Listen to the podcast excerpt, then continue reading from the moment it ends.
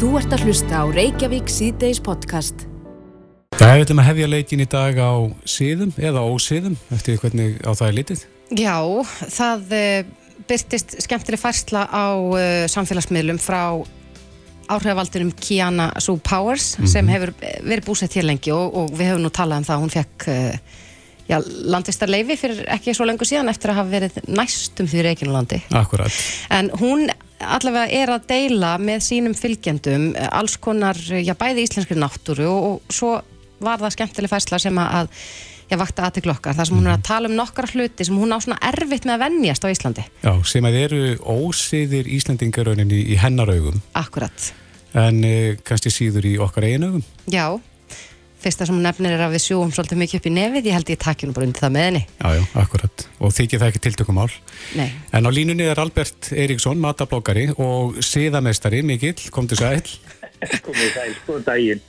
Já, er þetta eitthvað sem að, að, að já, flestir eða margir útlendingar tala um þegar þau koma hingað, við erum sí sjúandi upp í nefið? Já, já, mjög. Og ég hef búin að fylgjast með þessari stúlku. Það er- Hún er fín landkynning. Frábær. Og, og það er alltaf hressandi þegar að einhver bendur okkur á svona hvernig við erum. Og við mögum ekki taka þetta of bókstaflega. Nei. Og En hérna, glögt er djast saugað. Já, heldur betur. Og þetta með sjúpinn nefið, já, við gerum þetta öll. Og það er nú ekki það vest af öllu. Nei. Við erum ekki að snýta okkur tíma ótíma eins og við tökum eftir hjá öðrum þjóðum. Mm og hvað þá að blásta úr nösina út á, út á götu þannig já, já, við bara höldum ró okkar þá að henni finnist í sjúa mikið í nefi Já, en, en sko, ef, sko, ég veit að við erum auðvitað litið af því hvernig við erum alin upp hér. Mér finnst það ekki ósýður að sjú upp í nefið. Ég, mér bregður eiginlega bara þegar að sko, ég sita á veitingast á manneskja hliðin á mér snýtir sér alveg feiknar hátt í ykkur serviettu. Hvort Já. er verra? ég myndi, sko, fyrir okkur er það verða að snýta sér með látið í servéttu -hmm. en já, já, ég svíu upp í nefið og við sjúum öll upp í nefið en ég var þetta áhugavert svona, það sem hún tiltekur Mm þessi sex atriði eins og með að borða harðfisk á almannafæri, það hefur ekki kvarla að mér að það var eitthvað sem að, sem að henni finnst, að, finnst aðtöðavert eða öðrum finnst aðtöðavert Nei. Lyktin á harð, harðfisk er mjög sterk Já, hún er vantilega að tala um lyktina. Það er hún sem að skipti máli þarna. já, svo er þetta með að rópa á þess Já. að afsaka sig Mm og það er nú, ég held að þetta sem er það sem var margir útlendingar hafa nefnt Er það? Já, við svona gerum þetta svolítið í hugsunarleysi og kannski tökum ekki eftir þessu sjálf Já. en ég myndi segja að af þessi sem hún tiltekur þá getur svona helst bætt okkur í þessu. Já, að, að segja, í það minnsta ef þú ætlar að rópa sko, á almannafæri að segja afsakið. Já, og, og kannski gera það líka hljóðlega. Já. Þe, þeir sem að hafa alveg upp unga börn, þeir kannast við það að vera með barnið á aukslinni og svo bankaði þess á bakið og, og svo kemur stór rópi og þá, þá er fa- fagnallir Já, ég mitt. að dögleg eða döglegur. Kannski er þetta hluti af því. Já. En svona, að því að þú þekki náttúrulega veisluhöld betur en margir aðrir og b- borðsýður og slíkt. Hvar megum við bæta okkur þar eða hvar er, erum við að standa okkur illa svona mati gesta? En Sko, við erum í raun ekki að standa okkur illa. Það er bara svona heilt yfir er þetta bara fínt hjá okkur. Mm. Það getur alltaf bætt okkur svona smátt, smátt og smátt hér og þar eins og halda fallega á nývapöfum og, og svona vanda okkur aðeins með serviettuna. Já, Já, En svona í stórum dráttu verða bara fínt. Já, En kannski helsta vandamáli er, og þá ekki bara um Ísland, þá bara við um allan heiminn, það eru símar og nótkun á símum. já, Þeir bara almennt eða við mataborðið. Já, all, við matabóri verðum aðalega hugsun að við- ef við erum á út að borða til dæmis hvað sem er, þá svona, tökum við allavega hljóðið af og, og reynum að munka eins og við getum Mhm. að skoða síma og vera í símum en hef... svo kannski ef maður er matablokkari þá þarf maður aðeins að taka myndir Akkurat.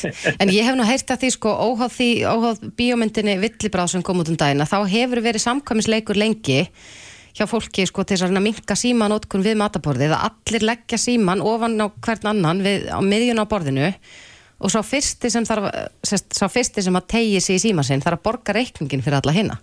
Þannig að það er ágætis leið til þess að halda sig frá símanum við matabóru. Þetta er fín leikur sko. En við getum, við getum alveg gert betur í þessu og ættum að vera svolítið til fyrirmyndar þarna. Mhm. En það komið við óvart þetta með hérna, innsóið. Já, við tölum stundum á einsóinu. Já, svolítið eins og með að sjú upp í nefið. Við, við svona tökum ekki eftir þessu. Nei. Nei. Allir þessi sér íslenskt? Nei, nei, nei, nei. Við skulum alls ekki hætta að tala á innsóinu. Þetta er svolítið skemmtilegt. Já, og við, við erum ekkert, Það er enginni, þá er það bara fín. ég held að það sé ekkert merkingar þrungið hér á Íslandi að tala á einsóinu en, svo- en eins og hún nefnir að þá hjælt hún bara hreinlega að fólk væri móðgað alltaf þegar við erum bara, já, er gaman í dag. við værum bara að vera kaltæðin eða eitthvað slíkt en við bara stundum tölum á einsóinu og stundum ekki. Já, nýta Já, tíma já. vel. En þessi stúlka er fínasta landkynning. Já, Já. hún er það. Við skulum vera ánæg með hana þó hún sé aðeins að svona netta pota í okkur. Já, já. Það er En allt, í lagi að benda okkur á. Já, já. En eh, Albert, ég, þú nefndir serviettin á þannig, við mættum bæta okkur aðeins með varandi serviettina. Hva, hvað er það við nótkunin á henni sem að við þurfum að vanda okkur betur? Þá til dæmis ef við erum á veitingastað þá er ágætt þumalputta að taka servietuna strax og við setjumst úr brotinu og leggja henni kjölduna. Já, Af því þegar að þjóttnin kemur með matinn mhm, þá er allt tilbúið fyrir matafiskin þá þarf hann ekki að býða eftir að þú taki servietuna. já, Og eins þegar að þú þetta bregðaði frá hvort þið það er á snýstninguna eða annað þá leggur servietuna smekklega frá þér og samáði í lótum. Í stólinn þá eða? Já, stólinn eða armin eða stólbakið. Mm Alls ekki upp á borð. Jú, upp á borð þegar þú ert búin að borða. Já, já, já. En ef þetta leggur frá, það- var það Þá stopp. leggur hann smekklega vinstra með við þar sem diskurinn var. Og þetta er allt, margt af þessi eru skilabóð til þjóna og starfsfólks á veitingastöðum og þetta er skilabóðum að þú sett hættur að borða. Mm En, en varðandi nývapörin, er það merkið til þjónsins að þú sést hættur að borða þegar þú leggur þau samhliða hægra megin á diskin? Já, leggur við samsíða eins og verið klukka þá erum 20 myndir yfir fjögur Já, og ef þú hefur þetta opið þá er það merkjum að þú sért en þá að borða. Já. En við erum alveg öruglega betur sett en margar aðrar þjóðir. Ég hef nú, hef nú ferðast við á, og stundum hefur, ég- hef ég orðið alveg klessa á sko, borðsiðum annara. Ég myndi, hafið þið komið til Ítali og séð Ítali borða með öllu sínu handapati og svo þegar mikið gengur á þá erum við með gaffalinn öðrum megin og hnífin hínum megin og pota með þessu út til að leggja áherslu á orði. Já þannig að Já, fólk er í já, stór hættu. Og, og með olbónu upp á borði og bara læti. Já, já, já, já, já, já. Þetta er lifandi. Já, já, já, já.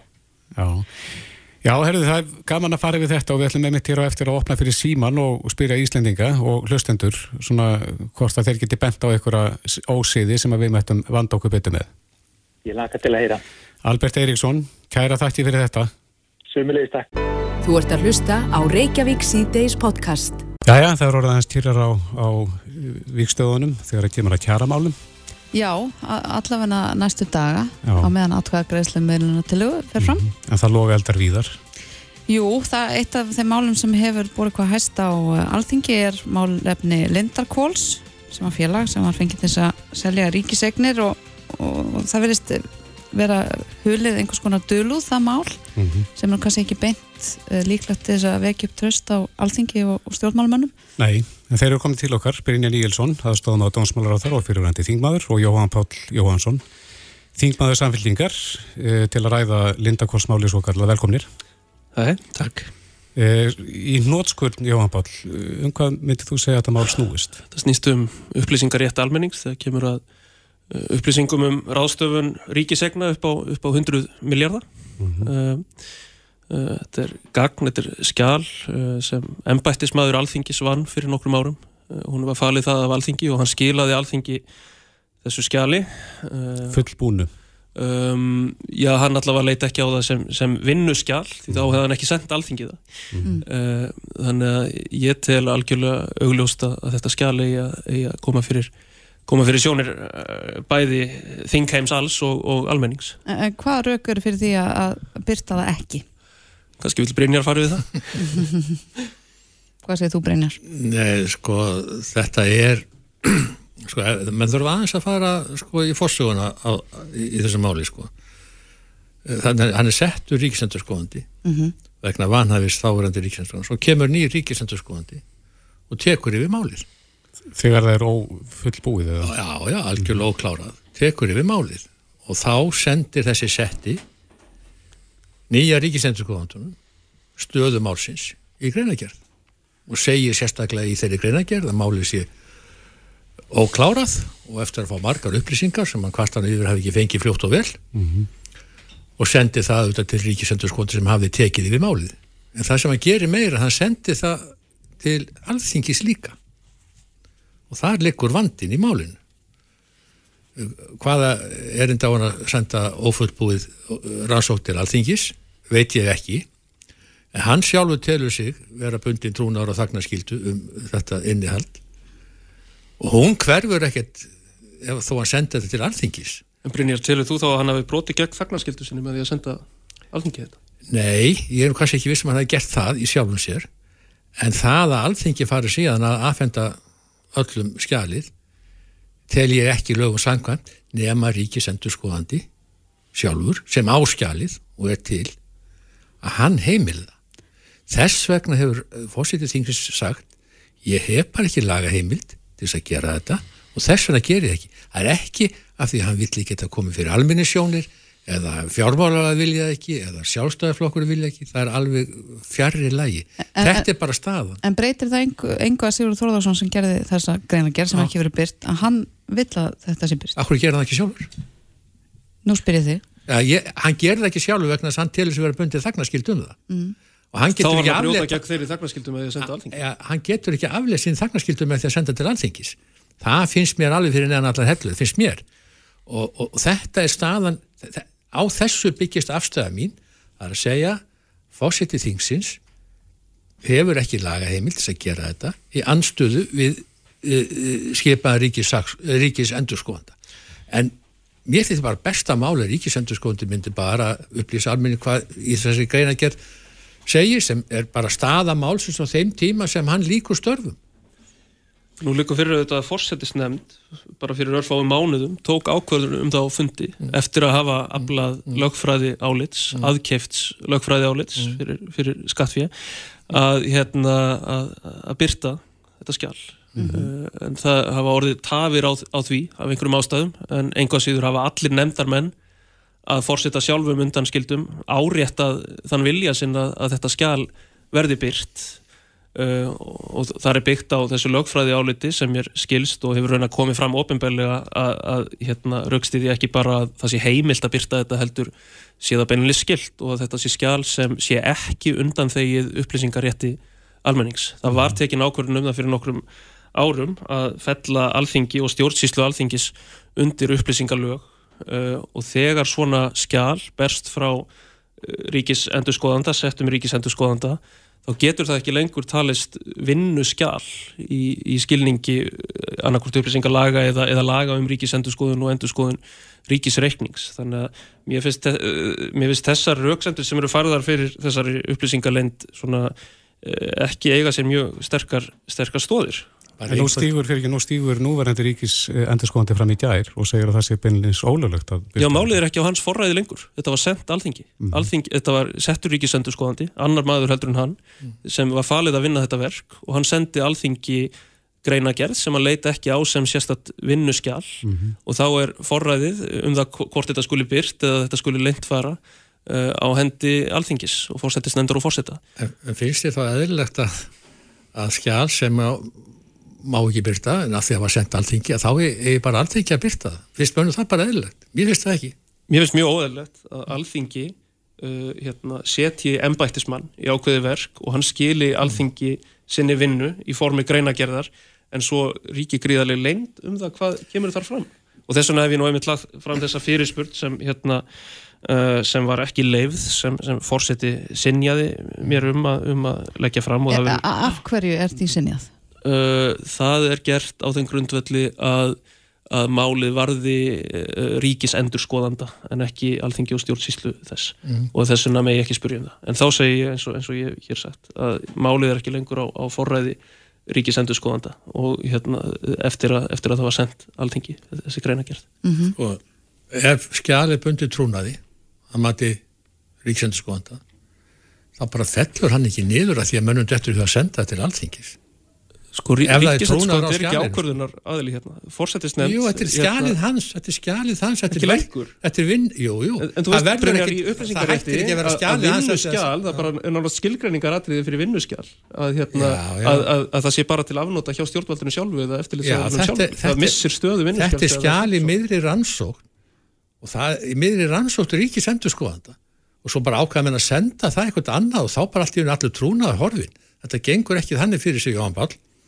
að þetta eh, að mínu viti og mér finnst þetta bara svo einföld löffræði mínum huga. Ég get auðvitað farið í einhverja sko löffræðilega fimmleika sem reyna að sannfæra almenningum En það. þau eru þín lögfræðirögg þá fyrir því að, að sko að, að ekki aðeins að, að, að hérna, það sé ekki skynsalegt að byrst þetta heldur að það sé beinilega spannað eins og ríkisendurskóðandi talar. Það Get, getur allavega fallist á, á það- með mig Brynjar að hérna, alþingi uh, sé heimilt að byrta þetta. Ég vil Nei, þó þú telir það ekki skynsalegt Nei, ég tel að ég, eini sem getur heimilega byrtingar og skjalið sá sem á það sem er ríkisendurskoðandi. Og hann og ég teldi bara ágætt að hann gerði það bara. Þá getur við verið laus við þetta mál. að þetta setur einhvern veginn á herðunum og einhvern veginn á okkur sko. Þá ert í raunin að halda því frambrynjar eða ekki? Að hérna, Sigur Þórðarsson hafi brotið gegn þagnarskildu ákveði ríkisendurskoðandi laga þegar hann sendi alþingi mér- ja, Fælst það ekki svolítið í þessari rauksend? það, það er rauk fyrir því að segja það en úr því að, að, ríkisendurskoðandi er eða bara tilheru þetta alþingi í þeim skilningi að þá finnst mér kannski ekki vallat að kalla það trúnarbrot að senda alþingi það. En með því að senda alþingi það þá aflýstist ekki trúnaður Sigur á Þórðarssonar við það bara eitt að senda alþingi það En, en nú eru kannski, eru kannski einhverju sem er að hlusta Já. sem að hugsa með sér er þetta mál, er, er verið að flækja þetta bara til þess að flækja þetta? Nei, í mínum huga er þetta bara þetta gefur sko anstæðingur ríkistöndar þetta bara vopni í hendurna sem er að tortryggja þetta og, og láta líta út sem einhver, einhver hilming eða, eða einhver lendarhjú sko fjálmálar á hans eða eitthvað slíkt þannig verður þetta umræðan og ekkert óveðlilt við það, það bara virkar þannig og þetta kannski á almenning Þingmenn hafa aðgang á þessu dag. þingmenn, þeir þingmenn sem er í þessu nefndum Ég hef ekki aðgangað þessu til dæmis. nei, þú hefur ekki aðgang á þessu Þetta er í fjárlaga nefnd og ég- þetta er skjál sem fjallar um sko ráðstöfun á hundruða miljardar ríkisfér sko. Já, en í skjálun er samt sagt beinlýnist. Þetta er uh, uh, rannsóknin er ekki lokið, við vantar enn gögn, þetta er óklára mál, en svona er staðan á málunum, gjör þessu vel, nýrríkis endurskóndi, hér er staðan. Og hann sendi þetta til ríkisendurskóndars þá, skólaækja, sem þá nýji sem tók þetta yfir, en jafnfram sendi hann þessa greinagerð til alþingis. En af hverju og það er stóra það, hefur skapað allar þessu umræðu að hann, skildi hafa sendt það þangað. En, en bera bara um einhver skilda til þess? nei, nei, bara enga skildi til þess við viljum engin skjöl fyrir bara uh, uh, rannsóknir fullunnin. Við fáum aldrei neinn gögg frá ríkisendurskóðanda fyrir en skýslan er bara full kláruð það Það var nú drögum, drögum að Íslandsbankaskíslunni lekið sem hefur bara verið umleikis hjá, hjá ráðherrum og, og hérna í ráðuneytum. En já, hérna, það var er einn dag. Já, það er svolítið annar mál. En heldur þetta hefur verið mistök hjá ríkisáta hérna, ríkisendurskóðanda þá að senda þetta ég skjál? meina til hvers hvaða erindi átt að til þingsins ef þetta er ófull klára rannsók sem hann er að afhenda öðrum til að klára? Hann hefur nú samt sagt í fjölmiðlum að þetta hef ekki verið ófull klárað í hans Já, hann segir það bara í greinagerinu sjálfur því ég sé það. Ég fæ ekki sjá hana. Nei, ég, ég er ekki að sjá en ég er bara segja það svona er bara staðan á málu núna. Og hann kvartar sérstaklega yfir því hafi ekki fengið öll þau gögg sem hann þyrfti til að klára þetta. Það sem ég veist nú skipta máli í þessu er að forsættisnefnd hefur tekið ákvörðun um að byrta þetta eftir að hafa aflað lögfræði álits þar sem niðurstaðan er allt önnur heldur en svo sem, sem Brynjar, heldur en Rómsan sem Brynjar fer hér með. Og hún er að vísu ekki allt önnur en það, hann, hann, það er talið að það gæti staðist að gera þetta. Og, ekki og bara staðist heldur að það sé skilt eða ekki? Nei, ekki, e, ég skal nú ekki alveg segja Það er nákvæmlega um góð það en mér minnir að það hafi verið þannig að það að væri að réttlæta með einhverjum hætti. Mm. En er þá ekki bara að byrta þetta og, og málið Nei, ekki ef, fórsetið þingsins telur þá löffræði ranga og löffræði sína, því hann er mjög snjátt löffræðingur sjálfur, hún sé rétt, þetta sé honum óheimilt og þá náttúrulega bara eins og hann hugsa, bara eins og ég hugsa og margir aður hugsa, ég verð bara að fara á lögum, ef ég tel lögin vera svona, þá ger ég þetta En þannig að þetta aðkjöfta lögfræðálit skiptir þá í rauninni ekki. einhver Nei, ekkit fyrir, ég get alveg gert löffræði líka sko. Þú getur fengið panta tíu og fengið tíu mismunandi sko. En ef við stilir rétt, Brynjar, þá kallað þú eftir því að núverandi ríkisendur skoðandi aflíti þessari leynd. Og Ég, ég, ég finnst það bara langið, hann myndi létta svo mikið á sjálfstæðisflokknum sko. ég er alltaf að hugsa um hann. Að, að menn líta á bara sem einhver mál sjálfstæðisflokksins sko, þetta er bara sjálfstæðisflokkurinn sé að stíga einhvern veginn niður fætu og, og hvað er vekk fyrir þetta? Ég meina Vístablaði hefur verið að djöblast í, í þessu að fá þetta sem nú tengt sjálfstæðisflokknum við ekki? Og hérna, segja menn alltaf. En, en ég er bara að segja að, að hérna, mér er langt best ef þetta skjál færi bara á forsíðu blaðan á morgun þá er ég bara laus við þessu umræðu sko. hún er drullu leiðileg en ég Ríkisendurskoðandi samt- hefur einmitt sko vísað til þarna 15. greinar hérna, ríkisendurskoðanda lagana og hérna uh, og það er ekki sko þagnarskildu ákvæði, það er í 12. grein en hérna þessi 15. grein fjallar einmitt um bara heimildir embættisins til þess að, að hérna, til ákveðina undan þá að frá upplýsingarétti almennings. Þannig að, búið að fara með þetta þannig mál að, fyrir hérna, þannig að ríkisendurskoðun eins og Brynja bendir á hefur bara fullan rétt á því að, að, að byrta þetta, það er ekkit, ekkit, ekkit í lögum sem hérna, stendur í Nei, þetta veginn mál fyrir hefur því. eins og tvis að fara til held ég úrskurðendur úrslningamál mm -hmm. hvort þið skilt að byrta þetta? Bæðið skilt ekki með nei. Já, það var, þegar, sko, það var vegna upplýsingameðran til fjármálaráðanitisins sem er eftirlit skildur aðili og þar eiga þessi rök við en í þessu tilviki erum við að tala um sko, skjál sem hérna, fór til alþingis sem hérna, lítur ekki eftirliti ríkisendurskoðanda það er að segja stjórnsýsla alþingis uh, þannig að hérna, það er allt annað sko. bara langa eðlilegast fyrir bara uh, þannig að setta ríkis endurskoðanda bara byrta þetta bara sjálfur og taka bara sensin á því hvort hann hafi sko brotið trúnaðið ekki sko En Brynjar allir ekki að koma í liði með mér hérna á, á mánudaginn og greiða atkvæði með því að fyrirspurning mín til, til þingfórsetta verði leifið bara- um, um þetta mál það er bara þannig Jóhann Páll Já. ef samfélgjamaður kemur Já, eitthvað til já. og þá bara já. getur ekki farið á þetta er sjálfrænt Já, já, já, já.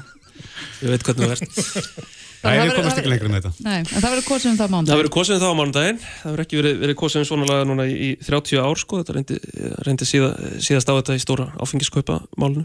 Já, Það verður fró, frólitt að sjá, sjá hvernig svo hérna, atkvæðagreisla fer vegna þess að einmitt sko allir, allir fórsættist nefndar menn, þingmenn úr sko öllum flokkum hafa talað fyrir því ofinberlega að alþingi byrti þessa greinakerð og það verður frólitt að sjá hvernig hérna atkvæði falla þá í, í þingsalum þetta þegar en svo er ég að koma að því ég sitt á þinginu og regnablikinu að Jóhann Páll tala svo hátt í ræðustúl að mér döðu bregður alltaf þannig að ég ætla að byggja hann um að tala aðeins lærra koma því að þér látum þetta vera loka orðin Brynja Nígelsson og Jóhann. Rauðrist hérna. Kæra þætti fyrir komina. Takk fyrir Takk. Þetta er Reykjavík C-Days podcast. Jóhann Hlýðar Harðarsson, fréttamaður okkur á Spáni. Hann eh, skrifaði fréttum daginn eh, frá Portugal Já. sem að eh, segir að, að þeir eru að fara og eru búin að ákveða það að setja lög á leigumarkaðin þar. Nú eru ekki lengur leifilegt að leia til eh, ferðamanna.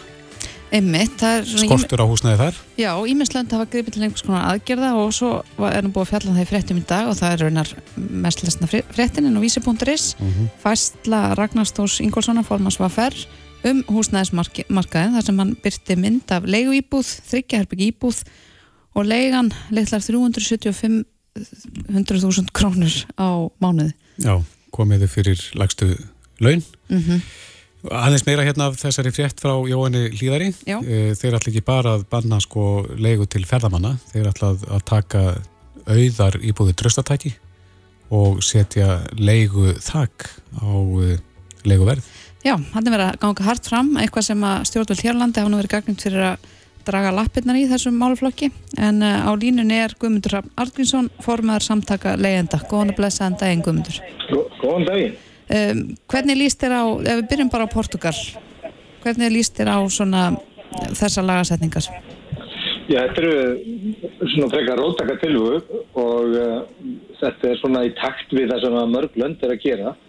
Það er mikil umræðið í Þískalandi og Hollandi og það er líka umræðið um að herða á leigubremsu í Austuríki. Spánverður eru með nýtt frumvarp sem er ekkit ósvipað og þetta portugalska þannig að það er verið að ræða þessa hluti um að setja hardar reglur á leigumarkað víða í Evrópu. Nú var þetta Portugal, þá er það nú bara þannig að að í Lissabon þar eru uh, slett 3% af öllum íbúðum í borginni á skamtíma legumarkaði sem er bara sama hlutfall og er hérna í Reykjavík. Það eru 300 íbú- eh, 3% íbúða, 1600 íbúður á skamtíma legumarkaði sem að svara til uh, næstu því 18 mánuða framleiðslu hérna í borginni af íbúðum. Þannig að þetta uh, ætti svo sannlega líka við hérna uh, í Reykjavík að koma með svona reglur á skamtífumalegu markaðin. Það er nú þannig í Portugali þegar þetta að banna frekari leifisveitingar á, á, á skamtímalegu markaði uh, fyrir utan þéttbíli. Það er, að segja að það má, má áfram vera uh, uh, skamtíma leiga á landsbyðinni í Portugal en í Lissabon og Porto og fleiri uh, þéttbílistöðum þá verður þetta bara bannað. Og svo uh, er það þannig líka að, að þeir sem eru með þessar íbúður fyrir á skamtímalegum markaði að þeir eru svona lokkaðir til þess að setja þær í langtíma leigu með því að þannig verða að lækka fjármanntekjur skatt úr 25 í 22% eða 3% uh, ef þeir setja íbúðunar á langtímalegu og þeir fá afslátt eða eftirgjöf á, á fastegnaskatti fram til 2030 þannig að það er verið að höfða til þeirra sem eru með íbúður á skamtímalegumarkaði og fá það til að setja þær í langtímalegu þannig að stjórnvöldur bæði að setja reglur sem að banna þetta frekar og svo að reyna að lokka það sem fyrir eru til þess að setja íbúðunar í í, í langtímalegu. Já. Þetta er svona, þetta tekur til tveggja atriða í þessu. Einmitt. En þið hafið lengi kallað eftir aðgerðum á leigumarkaði. Hefur eitthvað verið komið til móts við ykkur?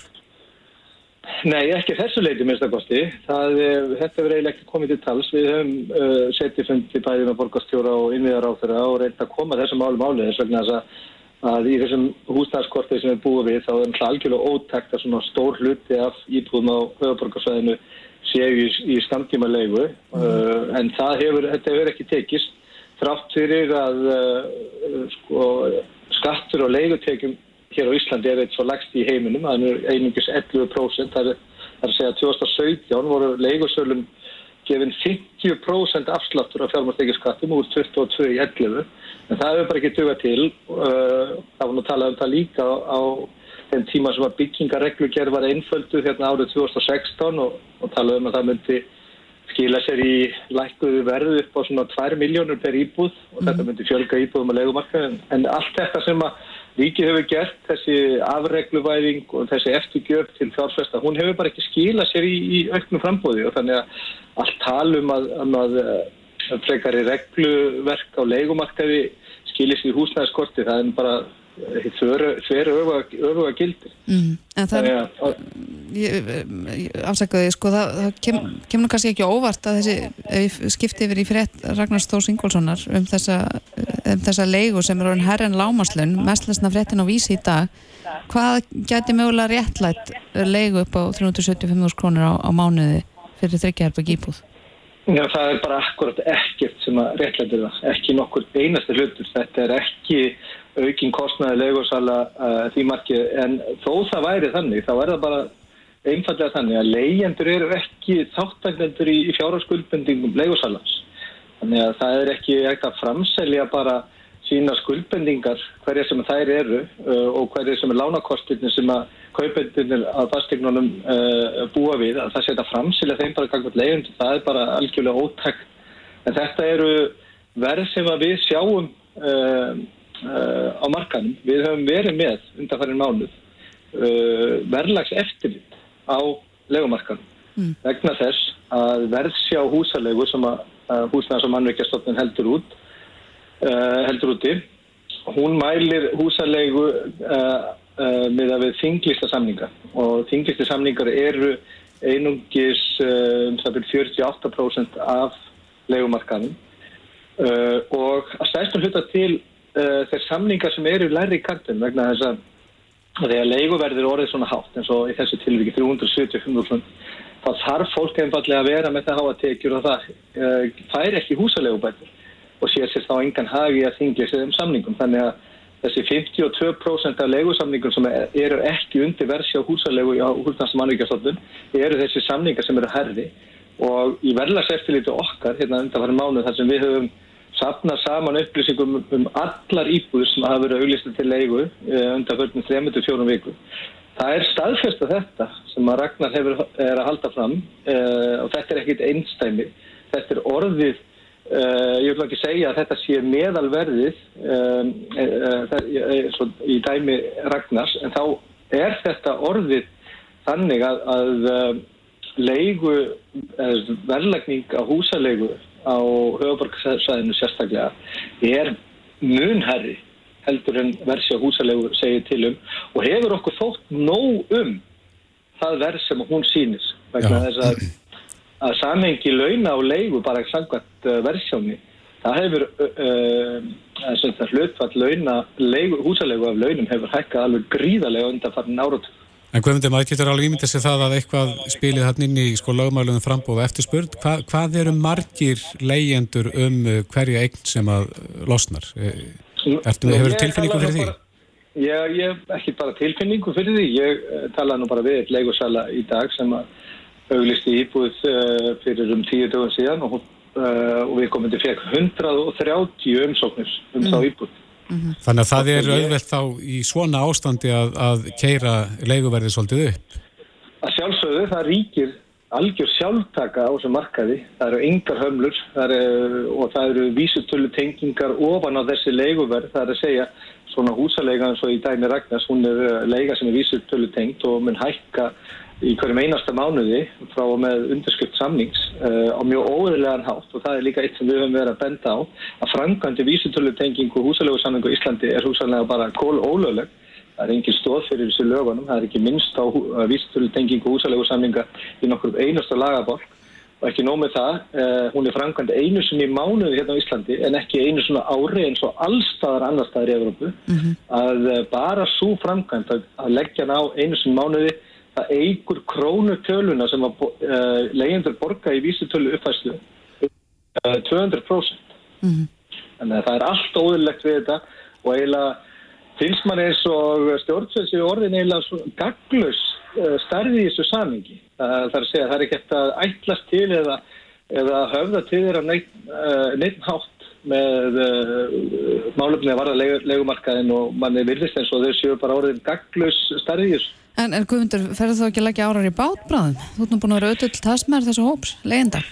Nei, bara alls ekki. Það er uh, mikið verk óunnið. Uh, það er mikið vatn runnið sjávar uh, síðastlega ár. En uh, bara þannig er bara hardna og eftir því sem mann hardna þá tökum við bara fastar á. Þetta er bara eins og með sjómennina í hérna, áður fyrir. Man tókum bara fastar í áraðnar ef það gaf á og það er bara þannig við þess tilfelli og við róum þessi land uh, á endan, það er bókamál. Einmitt á Já, þetta er allavega sláandi fréttir af legumarkaðinum og við vonum svo sannarlega að eitthvað fara að lagast í þessum efnum.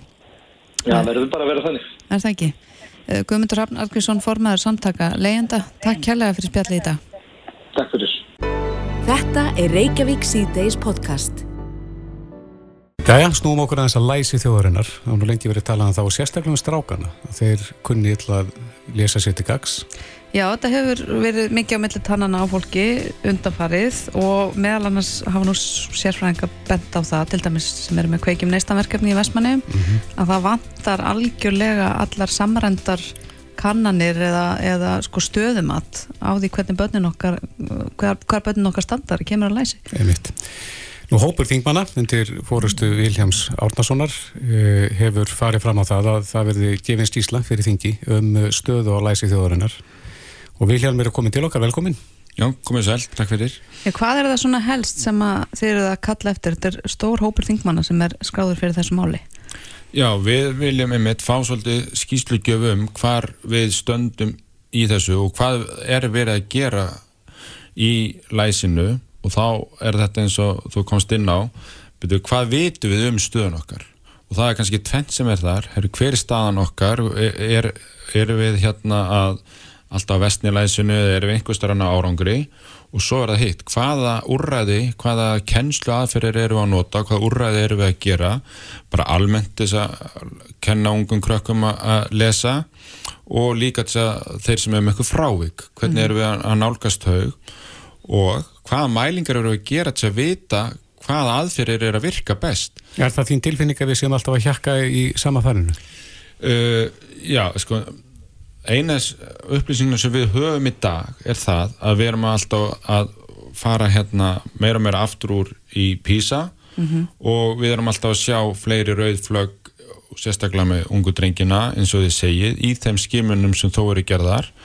En, en það er ekkert svona heilstætt, það er ekkert svona reglulega og annað sem að við erum að fá upplýsingur um þetta en það er hitt sem ég líka áhyggjur af. Að við erum með mismunandi kennslaðaferir eftir skólum og það er svolítið undir hverjum skóla komið hvað hann tekur upp. Og jafnvel undir hverjum kennara. Og jafnvel undir hverjum kennara. En við hefum enga mælingar að því hvort að það sé að virka eða ekki. Það getur vel verið að sé bara frábæra kennslega fyrir en við hefum ekki til þess að staðfesta það. en það getur líka vel verið að þetta sé að við séum að, að pissa svolítið í skóan okkar að kenna eitthvað sem er ekki að ná árangri og er að kannski orsakjun að við, að við erum ekki að bæta árangri. En svo getur vel og, og þá þurfum við að geta brugðist við því.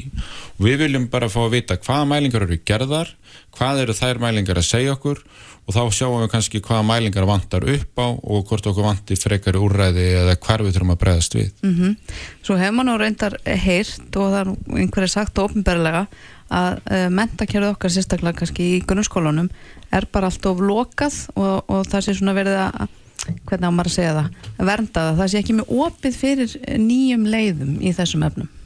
Já, maður hefur alveg orðið varfið það að, þetta hefur alltaf verið svona og skulum ekkert verið að breyta svo koma kannski og, og oft hefur verið útskýrt fyrir manni, ég þekki það nú ekki allir ekki að staðfesta neitt um það að eldri kennararnir séu svolítið hérna passífur á það að þeir nýri, nýju fái þetta akademiska frelsi.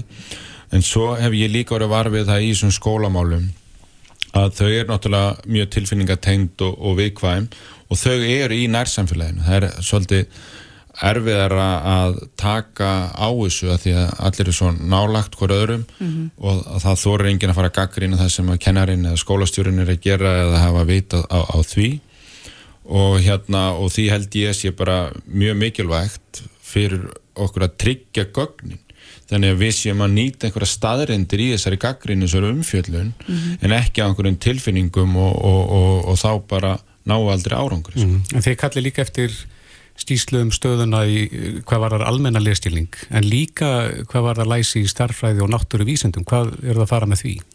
Já, að veist, það, þá er þetta hérna það er bara þess að vika út hvaða hérna hvaða svona víði veist, hvaða mælingar eru bara almennt að gera í grunnskóla stíinu og því að þetta eru kannski þær greina sem að PISA eru svona alþjóðlega mældar og það er hægt að gera þá við eins og við förum fram á líka þetta sé gert á Norðurlöndunum. Og, og það er hérna og það er mitt það sem er kveikið neistan til dæmis segir er að það, er líka, það skiptir svo miklu máli að fólk ná að brjóta lesarkofan og byrja að læra að lesa. Og svo skiptir starffræðin og, og, og skriftin máli.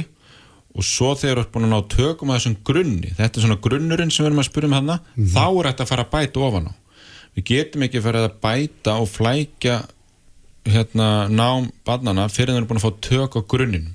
Þannig að við viljum fá þessa mælingar og skýslur um að grunnurinn sé í lægi áður en að, að lengri haldi sko. Ég velti fyrir mér um, varandi einmitt sko mælingar og hvar við stöndum og svoleiðis um, ætti þetta ekki bara að liggja fyrir? Jú, þetta ætti nefnilega að liggja fyrir. En akkur, akkur hefur tilfinninguna fyrir því að þetta sé hreinlega ekki til? Eða hva, hvert er vandamálið? Já, ég held nefnilega að þetta sé hreinlega ekki til og við erum kannski að kalla það svolítið fram í þessu. En auðvitað gerir hver veit skóli einhvers konar mælingar en það eru ekki samræmdar og þannig að, minn draumur er að sá að þessa mælingar verður gerða reglulega og það verður bara mælaborð. Og, og, og þannig að það verður mælaborð þess vegna er á skólan, er á kennsluaferðir og allt. Þannig að við vitum bara hvað er að virka, hvað er ekki að virka. Þannig að við getum alltaf ráðist á rótvandan og bröðist við og tryggt lestra kunnáttu þjóðurinnar og við byggjum um samanbyrju Norrlönd að því þá fáum við líka að vita hvernig eru Norrlöndin að gera þetta hvaða mælingar eru að gera þar og hvernig þau fylgjast með sko. mm -hmm. þannig hvað eru þau að gera betur en við Einmitt. En þú myndist á kveikjum neistan og við hefum náttúrulega fjallað að tala um það hérna á bylginni en það er kannski svona dæmi um að skólagerðið hafa ekkert verið sérstaklega opið fyrir nýjum lausnum að, að, að þarf að farið að, hérna kynnt fyrir fjölmörgum skólum og eitt sagði já í Vestmannum, núna er komin einhver svona reynsla og það hefur kynnt er það eh, vel, það verkefni? Já, ég hef kynnt með kveikjum neista mjög vel og, og, og hérna ég hef verið í samskipti með Hermundal frá 2010 og, og hérna og líst mjög vel á, á þessa uppbyggingu og það lýsir því hvað við vorum að ræða hérna áðan hversu lokað mentakerfið er og, og það er einhvern veginn svona anstað við að fá eitthvað auðanukomandi Hermundur íslenskur, en hann er í Noregi hann er ekki hérna með akkurat kennaramentun hérna frá Háskóla Íslands eitthvað. Þannig að þetta virðist vera svolítið svona loka kerfi og, og nú er að nást árangur eins og við sínum í Vestmanniðum en það er miklu betra fyrir kveikju neistan og bara alla sem er að fara að taka ákvarðan um hvort að ég að taka upp kveikju neistan eitthvað þessi til samræmdar mælingar. Þannig að ég held það að ef að svona samland mæling síni það að kveikju neistan sé að virka betur þá er auðveldra fyrir hinn að skólan að taka þau upp. Ef að það kemur að ljósa einhver önnur lestra aðferð sem er að ná betri árangur einhvern skólanum í Íslandi þá bara geta sveitafölugin haft, eða skólatin haft það val að, að velja það frekar heldur en kveikju neistan ef, að- ef að þessar samræmdu mælingar sína það mm. þess vegna er algjör grundullur að fá þessar mælingar fram Já, þið hafið náð þessu í gegni það ekki á þingi Jú, hefur verið þetta var samþykkt í ger Til hann með það Takk Og fyrir hvað það. gerist þá núna? Nú fer sem sagt menta og barnamálaráðanetið í að vinna þessa skýslu og, og, og setja Kall eftir vinnu gögnum sem er ekki til þá eða? Já, kanna það allan hvaða gögn eru til og, og, Það hvaða kannski kennslaðaferðir eru og, Þunn skýrsla eða hvað? Já, þannig að ég býst við því að einhverja mælingar, við fáum allan að písa kannaninnar og við fáum allan að einhverja samantækt frá mentamálastofnun sem hefur kannski fengið einhverja upplýsingar frá skólunum og eitthvað svo leis og það er gert eitthvað svona les, leskimunapróf sem ég bara veit að strákanum mínir fari í og væntilega hafa einhverju svo, leis hérna það er bara einhverjum ákunnum aldrei sko, þetta skiptir, þú veist, það er eitt að gera einhverja kannanir en það er þá bara einhverjum einum bekk eða veist, það er ekki gert í öllum bekkjum ekki nógu reglulega og annað slíkt sko. þannig að við fáum nú einhverjar sk sk skimanir held ég fram og við fáum svo upplýsingar frá Norrlöndunum líka hvernig þetta er í samanbyrju við það og, og, og við fáum þá upplýsingar um það hvar er ekki hægt að fá gögn, herri það var kannad og þessu og þessu gögn er ekki til og þá er hægt að, stoppi þau gött sko. Hvað er svo gert þau svona plagg? Já, þetta verður hérna ofinbært plagg og, og ég vona það að mentamál yfirld nýti sér það þá áfram. Við getum þá nýtt okkur það líka við lagasetningu og á alþingi og það er hægt að nota þetta við námskrá eh, varandi vinnu í námskrám og, og, og svo geta náttúrulega háskólanir og þeir sem eru að þróa lestrakenslunar og, og sveitafylgin sem eru að bera ábyrð á grunnskólanum að þau geta nýtt sér þetta og, og, og nota þetta í sínum stefnumörkunum og ákvörðunutökunum. Þannig að draumurinn er að búa til eh, svona mælaborð um læsi.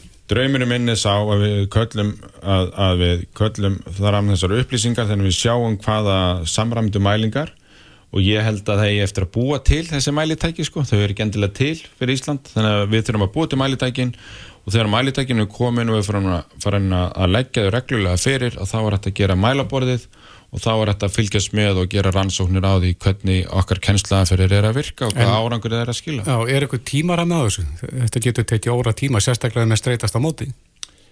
Uh, já, það er sem sagt uh, þegar he ráðherra hefur hérna einhverja vikur í að, að skila skýslunni sem að nú oft fram úr og veistu, mér er alveg sama að fer fram úr ef að skýslan verið vandaðari fyrir vikið. En ég vona bara að þau vinnir hratt og öruglega að gera vandaða skýslu og við fáum hann áður en að þingi fer í frí í, í sumar. Þannig að það er nú svona sem ég er að horfa að ég fá þetta fyrir sumarið og að, að það verði þá hægt að, að bregðast við því og, og gera einhver aðgerið sem að vera hægt að vinna jafnvel í þinginu næsta haust og, en, en sumt að það þarf ekkert þingi að koma að því það er bara frangandavaldi getur lagt á stað skólanir getur lagt á stað í að, að bregðast við niðurstöðun skýslunar sko, þannig að það setja undirbúa það bara í sumar og næsta haust sko. þannig að við höfum ekkert tíma þetta, þetta er mjög hættulegt fyrir unga fólki hvernig þessi hérna, hvernig læsið og, og, og námsáraugurinn er að þróast Já, það þarf að snúa þessari þróun við, ég held að getum öll verið samanlega það. Uh, Vilhjálmur Árnarsson, þingmaður sjálfstæðsflokks, takk kjærlega fyrir spjallið og gangi ykkur vel í þessari vegferð. Já, takk sem við leiðis bara fyrir að taka á þessu Reykjavík síðdeis á Bilginni podcast. Jæja, Reykjavík síðdeis, eh, það var margt sem að við lærðum eh, um líkamann eh, í COVID-væraldinu Og svona verið að prófa ymsar leiðir til þess að, að þróa lif og eitt af því sem við heyrðum til dæmis í þessum faraldri var þessi RNA-tækni. Mm -hmm. Við rákumst á ansi merkilega fæslu sem að Pál Þórðarsson, professor í efnafræði og forstuðumadur UNSW RNA rannsóknarstofunar í Sydney setti á fjöspokasíðuna sína en hann var það stattur á rástefnu um framtíð líftækni Livja einaðarins í Ástralji. Jáhá. En hann er einmitt staðsettu þar og er á línu, kom til sæl. Já, góðan daginn. Eða kannski leikur beinastu að spyrja hver, hvernig framtíðin lítur út í þessum bransa? Ég held um sé tiltulega björnt uh, þessi hérna, ég, ég held að þessi sé nú kalla svona frumuvækningar og frumu- og erðavækningar upp á íslensku að að þetta til þess að nýtt svið innan uh, laknisfræðinar mm -hmm. En uh, þetta er virkilega farið að, að, hérna, að hafa áhrif. Og, og á þessari rástefnu uh, náttúrulega Ástralja bara smá hluta heiminum en, en reyndar uh, mjög virk á þessu sviði. Bæðið eru þó nokkur hérna, brótafyrirtæki sem gera hérna og eins er uh, eini ástralski lífari sem heitir hérna, CSL uh, mjög framilega á þessu, uh, þessu sviði. Mm -hmm.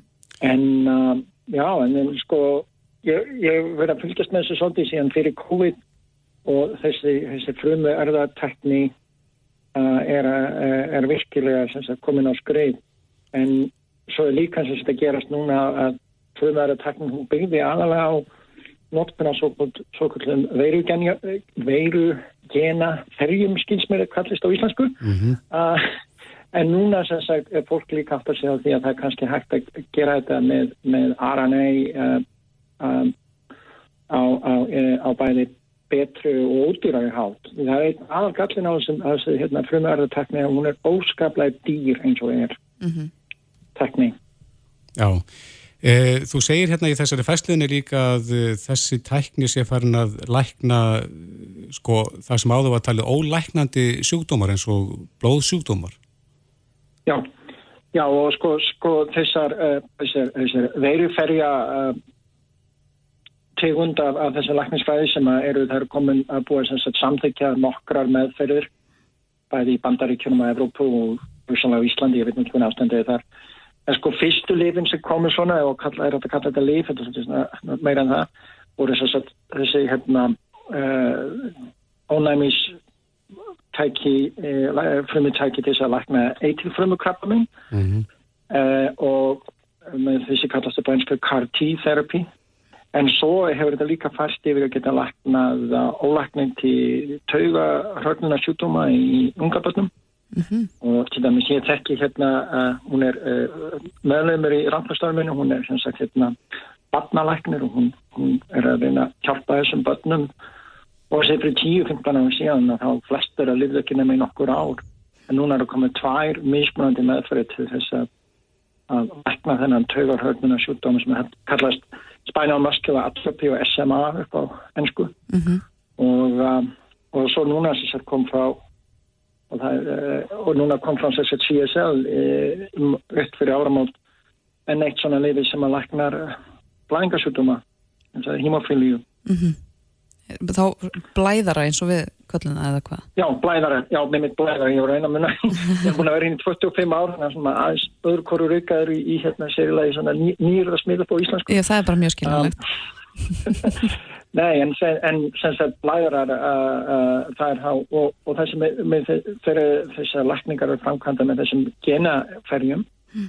og þá er þetta bara sem sagt, og veru hérna og farað eina nálastungu og þá er búin að lakna þig. Já, Já það er heldur betur bilding. En, en, það er, en það er enn og ennið er það að það kosta upp í hálfan miljard. Já, oh. hver meðferð þá er það? Já, á einu ekki, ég skipti henn, en þá ertu laknaðið fyrir lífstíð. Já, ég stíli. En þessi kostnar á vantilega eftir að fara niður eða ekki þegar að framliða stundir? Jú, jú. Jú, en, en sko og, og Livjafyrirtæknin haldaði fram að þetta sé kannski og ég veit það sko með því að verið að tala við hérna, helbriðskerfisfólki hér í fylginu í Sydney mm -hmm. og það segir jú þetta er hrikalega kostnar en ef þú skoða kostnaði við að meðhendla fólk sem er með þessar sjúkdóma áður en byrjan á hugsun hversu hérna breyting þetta er náttúrulega fyrir aðstandundur og, og fólki sjálf. Það kostar helbriðiskerfið í, í okkar löndum, you know, sömur eða meira jafnvel að, að rúa fólki með þessa sjúdóma. En stöndu við á okkur Þannig að- tímamótu núna varðandi eh, lækningar á, á krabbameinum ímiskonar með þessari Já, tækni? líka það sko eins og, eins og með þetta hérna, það líf sem að heiti eh, Tekatus, það er annað svona sem sagt genaferju líf sem að eh, læknar sem kallast non-Hodgkins eitilfrömmu krabbamein Mhm. og það virkar, já, það virkar í tilfelli og ekki segja 100% en, en nálægt í og það verður ekki hægt að lækna öll krabbamein með svona tekni en, en það verður hægt eh, og, og náttúrulega hægt að núna lækna sem krabbamein með annari læknismeðferð uh, hvort sem er en, en listin af, af þeim krabbameinum sem eru ólæknandi styttist með þessari tekni það er alveg klart mál Það tekur ekki undir einmitt það sem Kristoffer sagði, þetta er, þetta er ákveðin bylting, þetta lítur að vera óbúslega spennandi vettfangur að að vinna og rannsaka. Jú, jú, en sko og, og, og segja og þessi, þessi lið sem núna er komin á marka þessi rísa hérna, mjög svo dýru þar inn í gallin þau, og þau eru raun og eru bara samt einn ánkýna þessari uh, hérna, þróun því það er þessi svo kvölduði veiru genjaferju uh, aðferð sem er búin að vera lengst í þróun og það er alveg endur líka komin ágætis reynsla á það í sambandi við hérna öryggi og annað. En uh, mRNA, uh, mRNA og, og, og aðrar RNA sort of tækni eru gæti gert þetta einmitt mun ódýrara.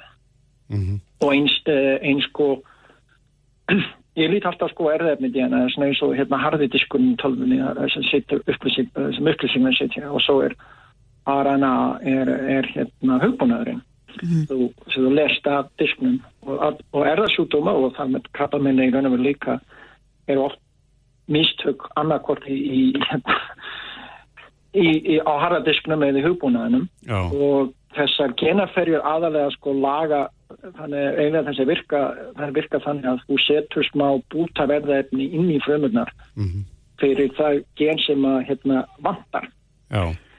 En, en Pál, heimurinn en fekk nú góða pröfukeislu það ekki á, á þessari tækni í COVID-faraldrinum hjá þessum livjafyrirtækjum eins og sko, AstraZeneca og... mRNA-tekninni, sko, þessari veiruferri-tekni var komin í gang vel fyrir COVID. Um, þessi fyrstu, sko, mótefna viðtaka líf sem sagt gegn krabbamenni til dæmis og eins þetta taugarhörnarlið, það var fyrir COVID. Mhm. Um, en með mRNA-tekninni í COVID þá er, þá er komin miklu meiri svona bæði þekking og, og, og, og, hvað ég vil segja hérna fólk er svona vissara með að þetta, þetta ætti að geta gengi líka með mRNA-tekni að geta til dæmis sett inn skilabóðin um að framlega það prótein sem vantar Mhm. og svo líka til þriðja aðgjöf svo hvað hérna RNA-tekni sem að uh, mitt áhuga má kannski meira sem að ég kalla svona þöggun en því að það er, er RNA sem að sleppur á, á, á geni fyrir hérna prótein sem að er að framlega segi gen sem er að framlega prótein sem er vond fyrir líkamann. Mhm. og einmitt í tilfelli hérna þess að taugarhörnarsjúkdóma þá var eitt svoleiðis lit líka komið á markað fyrir hérna COVID. Þannig að þessi bannalækning hún er að segja mér að að fer svolítið eftir það er nokkra aðgjör svona að svona, að, að, það er nokkra aðbreyð til að þeim sjúkdómi og það fer svolítið eftir hvaða aðbreyði barni hefur, hvort er betra að nota þess að gena aðferð eða þess að þessi kallast hérna antisense RNA en uh, það, svoleiðstekni er verður vantilega á endanum líka ódýrari og, og gæti notast við þá er það sjúkdóma þar sem er þessa uh, þessa veirugen genaferður virka ekki. Það er virka ekki alltaf í öllum tilfellum, það er fyrir eftir hvaða vandamáli er verið að leysa. Einmitt. Þetta er mjög spennandi. Um, Erst þú ekki á, á leiðinni heim, Pall, til Íslands? Nei, ég, ég, ég er búin að vera hér núna í, í well, um, ég er búin að vera hér í samflekt í 20 ár og kom hérna fyrst fyrir meirin 25 árum og giftur ástralski konu með börn hér þannig, og ríkisborgar og allt sko þannig að ég, ég, ég maður kemur heim ára COVID, ég er komað heim í sömar laka mjög til, en fyrsta skipti eftir COVID en hérna um, nei, nei, ég, ég er orðin hérna, ástrali með. Stend á haus við ykkur og, og hérna hleyp Og þetta akkurat á hinum endanum er ekki farið að hausta hjá, hjá ykkur? Jú, jú, það er farið að hausta, það er svona sí- síðsumar, þetta er smá svona, svona eitthvað indiansumar að koma með hérna hittabilgjum, það er bara allt í vína. Já. Vi, við sendum allan að hlýjar kveðjur hinnum einn nettin uh, Páll Þórðarsson, professor í efnafræði og forstöðumæður UNSWRNA rannsóknastofunar í Sydney. Takk helga fyrir spjallið Já, það var lítið, takk ykkur sömulegis. Bless, bless, bless, bless. Bye. Reykjavík síðdeis á Bilginni podcast. Jæja Lilja, þá er komið að þinni stund. Já, þetta er minn staðar, mín stund uh, á laugardaginn kemur það í ljós hvaða lag fer fyrir Íslands hönd Mhm. í Eurovision í laugpól í mæ uh, ég persónulega get ekki beðið Nei. og ég veit að það eru mjög margir sem að spá lítið undarkeppninni en Mhm. horfa nú held ég á úslitin Við gerðum uh, okkar könnun sem hefum komið inn á áður Mhm. uh, núna í þessari viku þar sem við spurðum uh, hvaða lag kemur til með að sigra og langstæsta kakan 47% rúm langið sér á skugganir, þitt lag Jú, mitt lag og þið heyri kannski einhvern hérna á bakvið okkur sem er að, kannski ekki að fussa en svona kemur óvart þau sita hérna hjá okkur Ísak Pálmarsson formaður Fáses og Laufey Helga Guðmundsdóttir varaformaður Fáses, velkomin Já, takk fyrir það. Takk fyrir bóður. Nei, þetta var meira bara svona, úf, wow, þetta er geggja fórskund. Já, er það? Já, þetta var ekki fuss. Nei. Alls ekki. Þar á eftir kom Diljá með mm um 20% þannig, að, þannig að þetta var langstæsta kakan hjá Langasérla og félagum Já, ég held að við hefum gott sjómarp í höndum á lögadaginn. Það getur svolítið allt gerst. Já, ég er rosalega ánæg með íslensku þjóðuna af því að þetta eru hressulögin í keppninni það var ekkert verið að hérna, hérna engin spurning um það að fá bara smá svona upbeat keppni. Já. og það er alltaf jafn gaman fyrir okkur fásasliðana því að við viljum hafa party Mhm. En sko, þetta er samt sko, svo horfum maður á veðbanka, svo horfum maður á svona Eurovision blog og skoðan kann þar. Og virðist þetta vera annarkvort eru langis og skuggarnir á toppnum eða á botninum. Já, þetta skiptist svolítið mikið og Diljá er nú búin, búin að vera mjög framalega í öllum svona þessum helstu aðdándakönnunum á svona þessum Eurovision vefsíðum sko og var efst í veðbenkunum framan af sko. Eh, og kannski hefur, hefur það fórskátt en eh, langiselur og skuggarnir er líka bara svolítið íslensk sko. Þannig að það geti komið vel á óvart. Ég held í rauninni og ég er kannski búin að eh, segja alltaf mikið um þetta en það er ekki búið að velja öll lögin fyrir Eurovision. eh, það liggur fyrir samt eh, þó nokkuð af lögunum sem við erum að fara að keppa við í Liverpool 11. mæ og ég held í rauninni að öll þessi fimm lög sem eru úrslutunum á lögadaginn gætu komist upp úr okkar riðli af því hann er bara ekki mjög hérna góður. hvað ég var að segja hann Hann er ekki svo sterkasti. hann er ekki svo sterkasti. Það Og hefur verið staðan- frambarlegri keppni.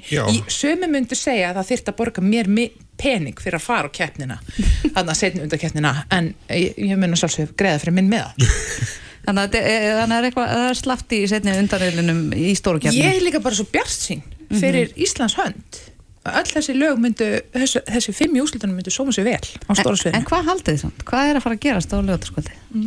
Já, það svona, það getur svolítið allt gerst sko, því að þarna ef við skoðum veðbankuna þá er þeir líka ekki sammála og það er líka spurning sko, það er þarna þjóðurinn sem eru að kjósa í veðbankunum, við vitum að það eru breytar og þjóðverjar sem að kannski þarna eiga langislu skuggarnir meira fylgi þar, ég veit það ekki Mhm. og þarna, en veðbankanir eru líka mjög breytilegir sko, þarna, Mhm. sumir eru þarna með langasila á toppnum eða neðar þannig að þarna, ég held að það geti ennþá allt gerst á lögadaginn og það eru eins og þarna, öll þessi lög eiga möguleika á því að vinna og þarna, það sem er skemmtilegt líka við þessa keppni er að þetta er sjómasútsending, það er eh, sko formið á lögadaginn sem gildir Mhm. það, þarna, e, það er ekki allir búin að sjá lögin og þarna, einhverjir sem að hafa ekki hort fórkjöfninar er að fara að horfa á e, úslitin núna og fara að kjósa í fyrsta skipti Mhm. og Íslendingar kjósa þarna lægið sem að stendur sér vel á þarna, þú veist,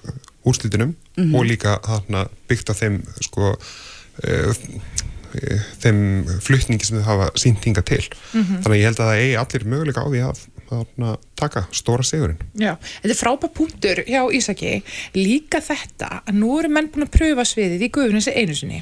Núna hafa hérna, menn sé hvernig þetta kom út í sjónvarpi hvernig þeim leið á sviðinu.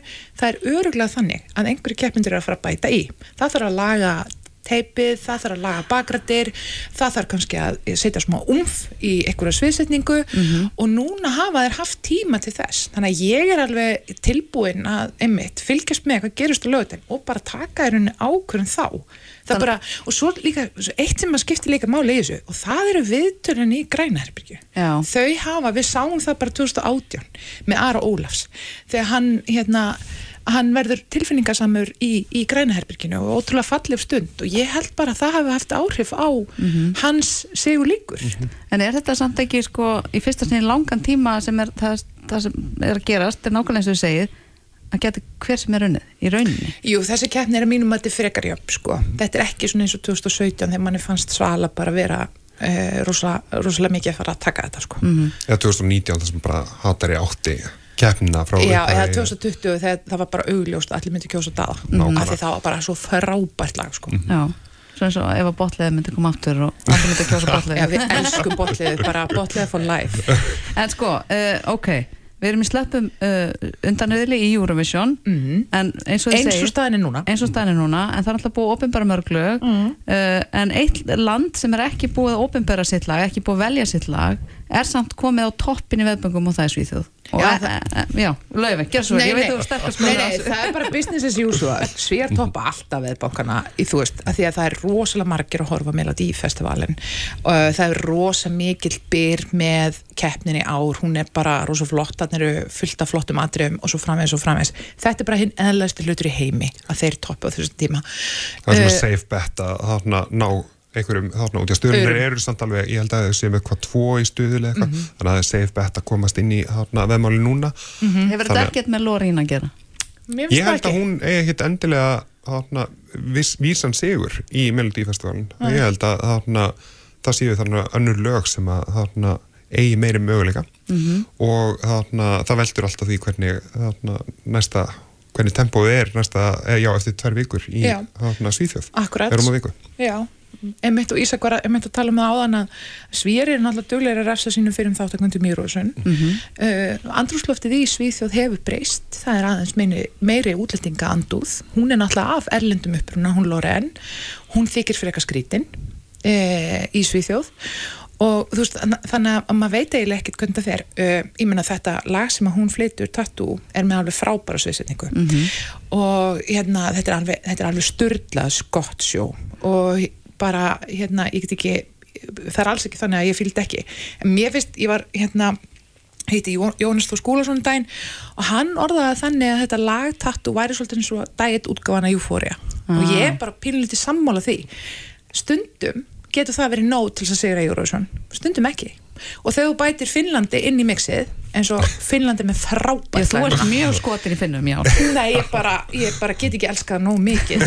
Það er það er, það er mjög sérstök Já, það er sem sagt rap metal slagari með samkomistansa ífaði Mhm. sem að er að fara fyrir Finnlands hönd. Er þetta ekki bara Eurovision nótskur? Þetta er nákvæmlega, Eurovision þetta er bara- nótskurt og þetta er svo mikið konsept listaverk hjá honum, þetta er alveg geggjuð sviðsetning sem hittir beint í hjartastað.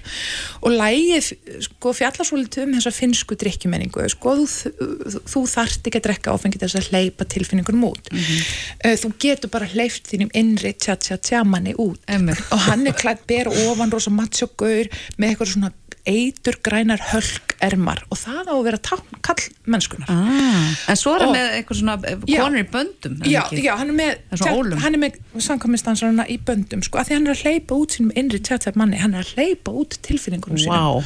og þetta er bara koncept sem heitir mig beint í hjartastaðu og hann er náttúrulega geggjasærmennandi þetta er skyndismellur þetta lag er instant hit Mhm. og bara það er ekki vafi í mínum huga að það verða hérna tólstig frá íslenskum uh, síma uh, kjósöndum í, í hérna uh, 13. mæna sko Já, þetta er, þetta er dýpra en ég gerðum grein fyrir þegar ég horfði á þetta á YouTube, ég var að segja það Mhm. En svona, ef við förum aftur hingað heim, stóra stundin á lögataskvöldið, þið verðið vantarlega í salnum eða hvað? að Jú, sjálfsög jú, heldur betur sko og við erum bara helgin er undir lögð hjá okkur Já, segið okkur aðeins af því, hvernig er, er helgin? Eru þið að lóðsa einhverja um og svona, einhverja erlenda gesti? Já, við höfum vona þarna, bæði vona á erlendu vinnum og þarna vitum um fleiri þarna, sem eru að koma utan og svo er bara fólk allstæðar á landinu Júróðsson aðdæðandur að mæta í bæinn til þess að mæta á söngukefnina og þarna við ætlum að eh, halda karaoke á göknum á föstaskvöldið Mhm. og þarna skemmt okkur þar, við hefum stærsta karaoke safn uh, í heimi held ég af Já. Eurovision karaoke lögum Öfumlegt mjög mikið metnaði það. Já, og eigum bara, þú veist, öll Eurovision, helstu Eurovision legin og lög úr hinnum ymsu fórkeppnum. En hvaða lag vinnur? Er, er þið komið með það á reynd? Í söngvakenninni? Já.